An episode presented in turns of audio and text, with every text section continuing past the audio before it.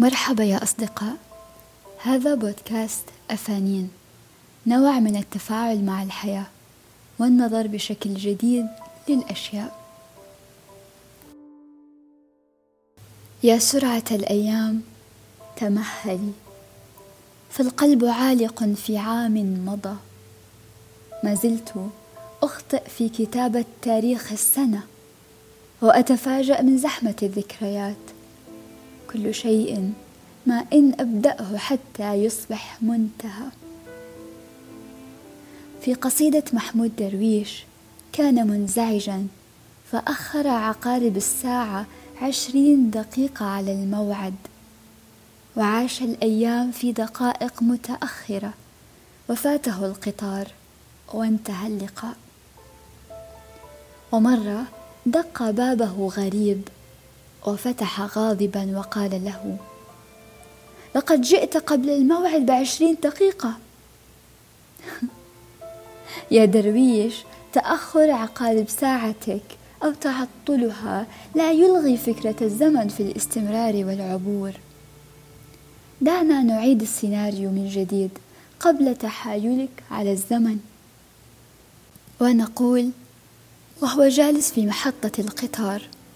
رفع ساعته ليحدق بالزمن.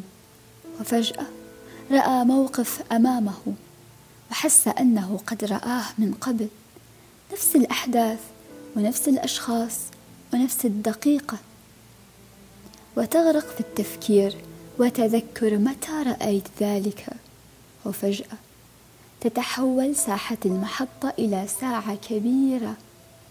عقاربها أقدام القادمين والمغادرين. تك تك تك. صوت الرتابة في تحركها ينخر رأسك. وتعوم تعوم. وإذا بك في عام جديد تفيق هذه المرة في زمن غير الذي كان. وكأن الزمن هو الذي احتال عليك هذه المرة. أعرف أنه أغلبنا عاش نفس الشعور. تمر بينا أحداث ونحس أنه إحنا عشناها قبل كذا. تتكرر في جزء من الثانية. هذه الظاهرة علميا تدعى بديجافو وهي كلمة فرنسية معناها تم رؤيته في السابق. واحدة من أهم تفسيرات هذه الظاهرة هو حدوث تأخر في الانتقال العصبي. فيكون الأمر أن العصب المسؤول عن التخزين والذاكرة سبق العصب المسؤول عن الإدراك. فنشوف الأشياء وكأنها مألوفة جدا. مزامنة مؤقتة التأخر بين عملية الاستقبال وترجمة ما نراه. سبب في حيرتك متى وأين حدث الأمر. لازم نوقف من العبث في الذاكرة والتفتيش وبعثرة الماضي. أنت في حرب آنية اللحظة التي تدرك فيها نفسك وتسرق أوقاتك من فوهة النسيان وتربطها بصورة أو فيديو. هذا يفسر هرعنا الدائم لتوثيق لحظة نعرف أنها ستنسى. ونقسم شعورنا بها إلى نصفين نصف قابل للنسيان ونصف يذكرنا بها عندما نزور ألبوم الذكريات.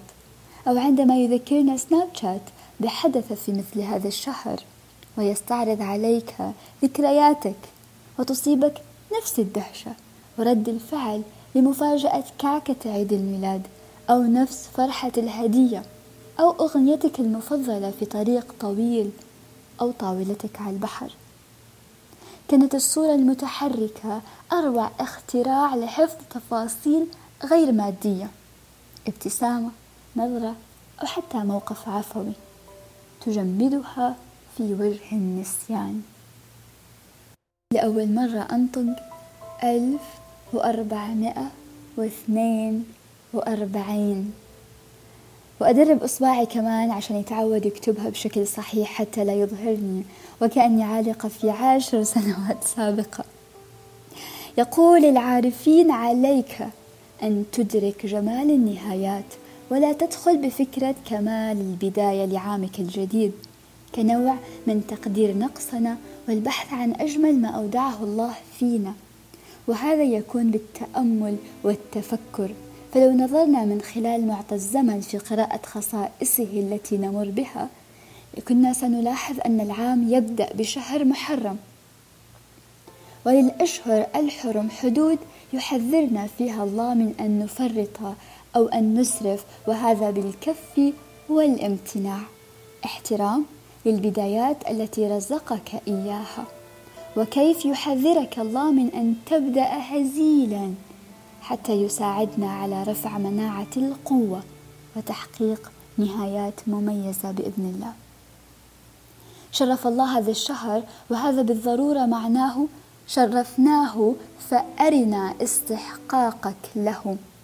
وجاءت الآية الكريمة فلا تظلموا فيهن أنفسكم. لا تظلم نفسك إيش معنى هذا الكلام؟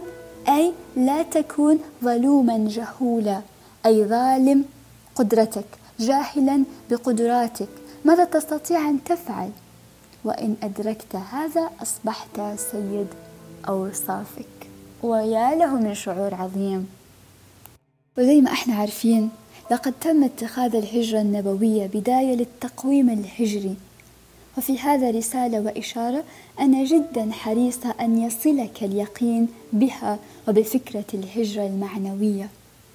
أهجر كل نسخة لا تشبهك. أهجر الماضي التعيس. أهجر العادات السيئة.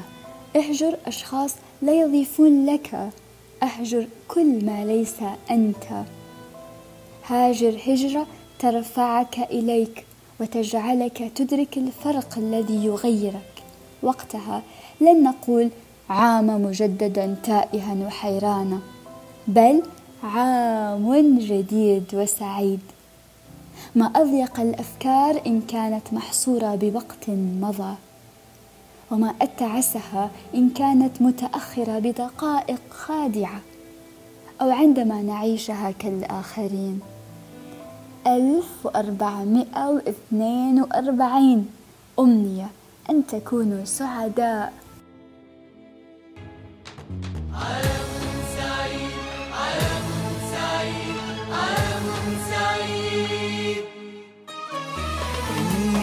أفضل أن نقول لبعضنا حب سعيد. إني أفضل أن نقول لبعضنا حب سعيد. ما أضيق الكلمات حين نقولها كالآخرين.